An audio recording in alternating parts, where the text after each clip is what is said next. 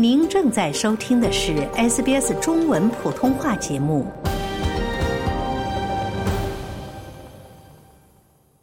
听众朋友，您现在正在收听的是 SBS 普通话播客，我是雨夜。那么今年呢是农历的龙年，今天我们在演播室请到了一位住在墨尔本的一位艺术创作者思睿，他也是一位剪纸的爱好者。今天呢，他将和我们分享一些有关于剪纸的文化，以及在我们现场呢，给我们剪一张有关于龙年的剪纸。思睿，你好，Hello，雨夜，大家好，呃，很高兴今天可以来到 SBS Audio，然后呃，我是思睿，呃，今年是我在墨尔本的第五年，我目前就读于墨尔本大学的呃艺术与文化管理硕士专业。然后在此之前，我毕业于 RMIT 的呃 Gold and Silver Smithing，呃，然后我的创作媒介比较多元，剪纸呢是我最近在实验的一个新的媒介，我很感兴趣，并且我在思考如何把剪纸和当代艺术结合在一起，发展出一个新的艺术形式。在我之前的创作历程中，我已经尝试了很多不同的材料，例如油画。版画、呃，摄影，还有珠宝制作。那么，当我呃回到自己的家乡南京的时候，其实发现有很多的非物质文化遗产，他们得到了很好的保护，但是艺术形式还需要更多的就是发展。所以我就想，呃，有没有可能把它就是融入到当代艺术中，然后发展出更多的可能性？所以你刚才提到剪纸其实是非物质文化的一种，是吗？呃，剪纸是非物质文化遗产，然后它最早起源于北朝时期，我们在吐鲁番附近出土了一批游牧民族那个风格的图案，然后那个是最早时期的剪纸的一个雏形，然后后期到了唐代的时候。因为唐朝是各种中国文化的发展的鼎盛时期，到了唐代的时候，我在做 research 的时候看见，唐代在莫高窟敦煌的莫高窟洞穴里面出土了中国的染色剪纸，它有很多的图案，比如说宝相花的图案，然后还有各种。就是我们其实，在当代的一些剪纸的艺术作品中，也会看见类似的图案，所以这个我们可以大概的了解一下剪纸它出现的这个时期和它发展历程中出现的一些风格和图案的类型。嗯，在我之前的一个理解看来啊，可能剪纸主要是那种窗花形式的那种，主要是红色，然后非常喜庆的那种。那刚才听到思睿的分享，我也是了解到，其实剪纸它是有一个比较悠长的文化的。那刚才也是跟大家分享了一些有关于剪纸的背景。那其实呢，现在是农历的龙年，我知道你也有在墨尔本开设这样的一些 workshop，跟大家去分享一些有关于剪纸的知识。那有没有去做一些有关于龙年的剪纸呢？呃，是的，其实，在最近。近我就有在 Melbourne Immigration Museum，就是我们的移民博物馆，去开设一个龙年的这个剪纸的活动。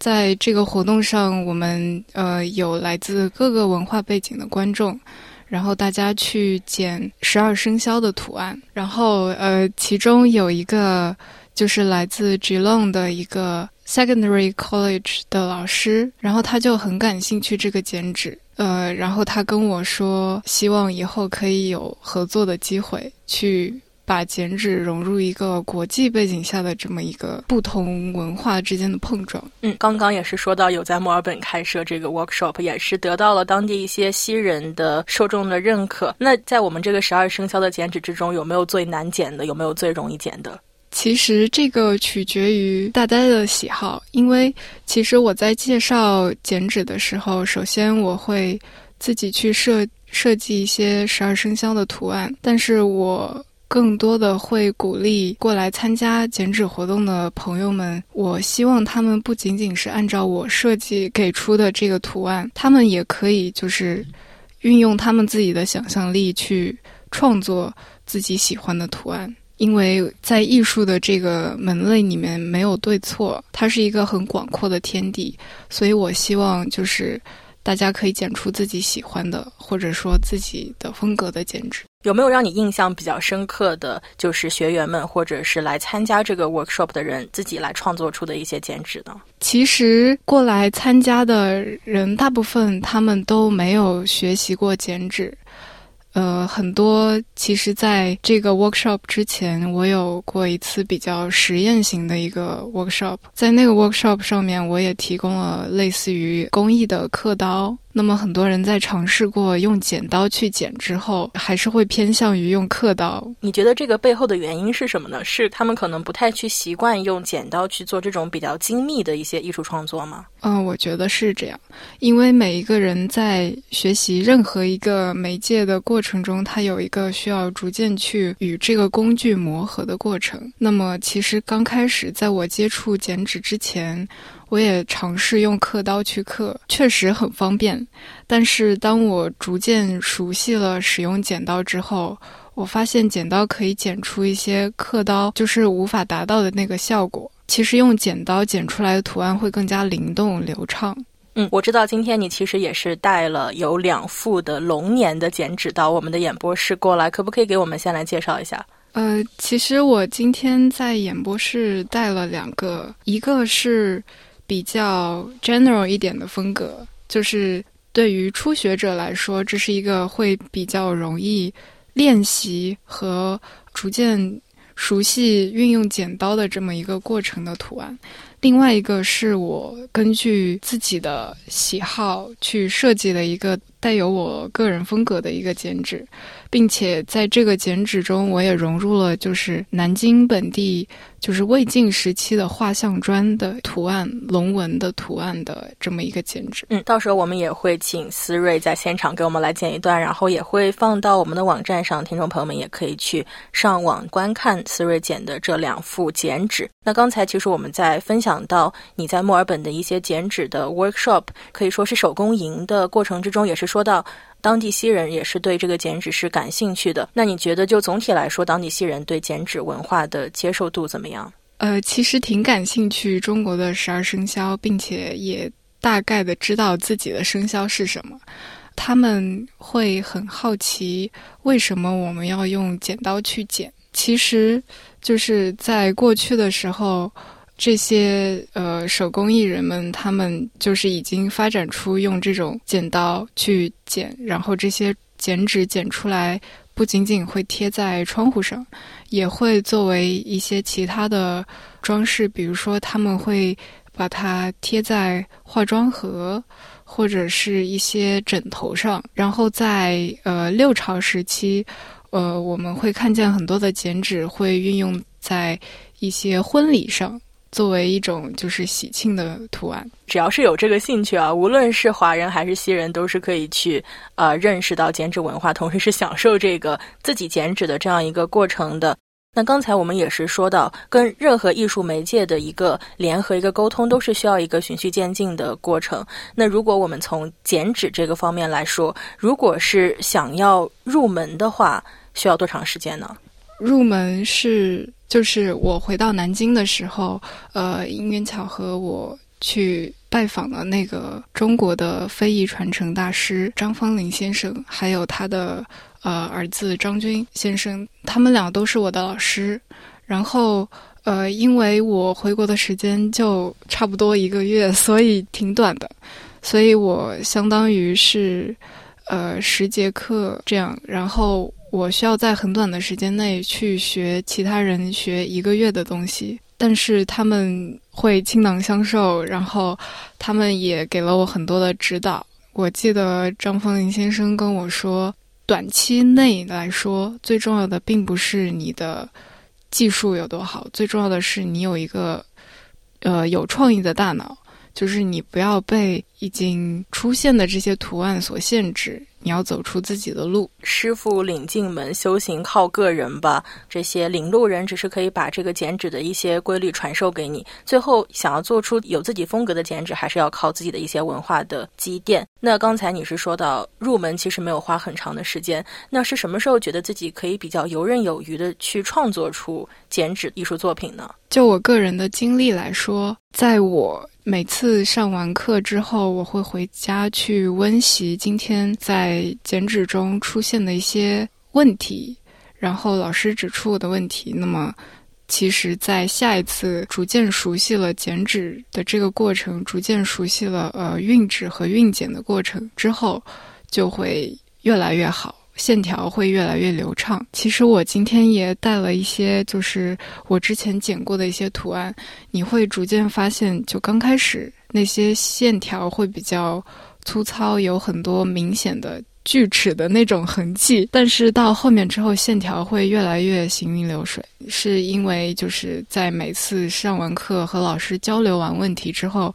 我每天都有练习，所以我觉得，其实大家如果感兴趣，呃，减脂的话，在学完一些基本的 techniques 之后，他们可以就是每天去练习，达到一个这么一个肌肉记忆的情况下，每个人都可以做得很好。嗯，只要有这样一个日积月累的过程，还是每个人都可以去精通剪纸这样一种艺术形式的。那我知道，除了在剪纸之外，你自己还有一些其他方面的艺术创作，可以给我们来简单的分享一下吗？在这个剪纸的实验之前，我本科时候学习了首饰制作。其实有其他的很多课可以选，但是我并没有选那些绘画，因为在此之前我已经学过了。那么，其实我的兴趣是在于尝试，不断的去尝试一些自己曾经没有过的经历。然后我在雕塑和金银首饰之间选了金银首饰，因为雕塑它涉及到很多比较重的材料，在搬运过程中不是很方便。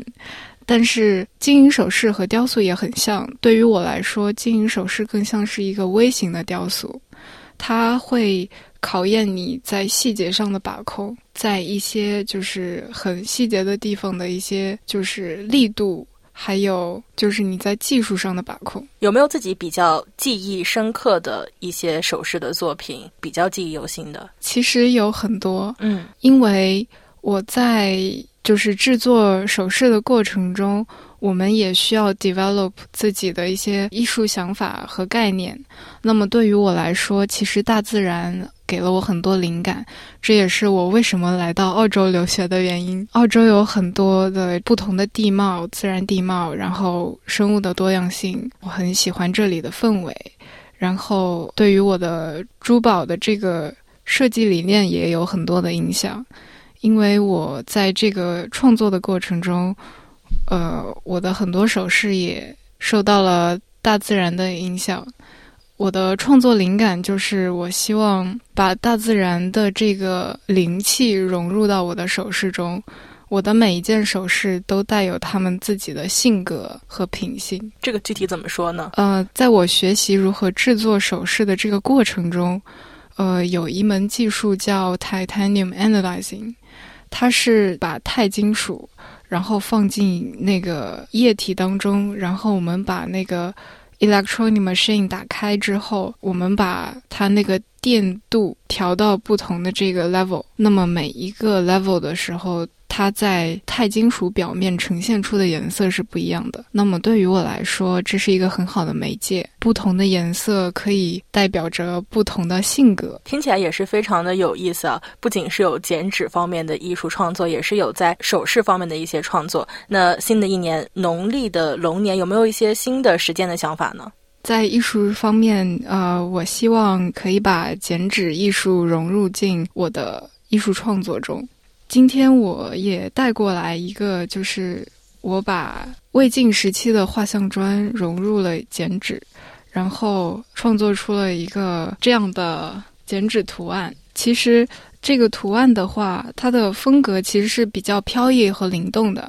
其实，呃，如果大家熟悉呃魏晋时期的画像砖的话，会发现，其实，在我们的一些画像砖上，一些龙纹的图案会与之类似。那么，其实我今天做的呃这个剪纸的图案是稍稍带有那么一点灵动的这个风格，其实也和我之前的一些珠宝首饰的这个设计风格是。类似的，因为我觉得在我的艺术创作中，“灵气”这两个字是非常重要的。因为我希望所有的艺术，在通过我的这个实践和锤炼之后，他们可以拥有生命力。也是非常期待在新的一年看到你有更多的剪纸的作品面试，跟大家一起来分享。那刚才我们也是有说到你在墨尔本有一些剪纸的 workshop，那大家可以去哪里参与到呢？其实我。有在一个平台叫 Class Bento，呃，我有在上面发布关于剪纸的一些 workshop，大家感兴趣的话可以去 Class Bento 上搜索我的名字思瑞阳，然后就可以看见我有不同类型的 workshop。当然，剪纸是其中一种，呃，我也有其他的类似于呃建筑方面的这个 sketching，然后我也会教到大家一些不同的小的一些绘画技巧。听众朋友们，如果有兴趣的话，也是可以来关注。那么最后一个问题，对一些想要接触剪纸的初学者，有一些什么样的建议吗？首先，呃，因为我来自南京，所以我会建议听众朋友们，呃，首先去了解一下这个历史脉络。就像我刚刚介绍的那样，在我学习剪纸之前，我并不知道，在北朝时期，剪纸的雏形就已经诞生了。那么，它逐渐从北朝一直到魏晋时期，再到唐朝，一直在就是发展中，然后一直到现在。所以，我们看到一些古代的艺术品的时候，会自然而然的去联想到一些当代艺术的一些特点。然后，我觉得这是很有意思的一个事情，就是。呃，我们的审美是轮回的。然后还有一个就是南京的剪纸的特点，就是花中有花，题中有题，粗中有细，拙中见灵。这个是南京剪纸的一个标志。因为相比较而言，北方的剪纸会更加的就是豪放一点，然后呃会有很多比较对称的图案。那么南京。恰好在地图上属于偏北方和偏南方这个中间地带，所以它结合了南北两地的这个特色。它的这个风格比较多样，比较灵活。呃，如果听众朋友比较感兴趣的话，可以首先去了解一下这个历史脉络，了解之后可以选择自己喜欢的风格去进行一些简单的尝试。所以说，兴趣就是最好的老师。那今天呢，也是非常感谢思睿给我们带来的分享。我们也是期待在新一年能看到你更多的剪纸作品。谢谢，谢谢。想在 SBS 当一回影评人吗？SBS On Demand 正在推送配有中文字幕的热门影视作品。您只需观看一部或以上影视作品，并把影评观后感发给我们，就有机会赢得一份 SBS 精美礼品。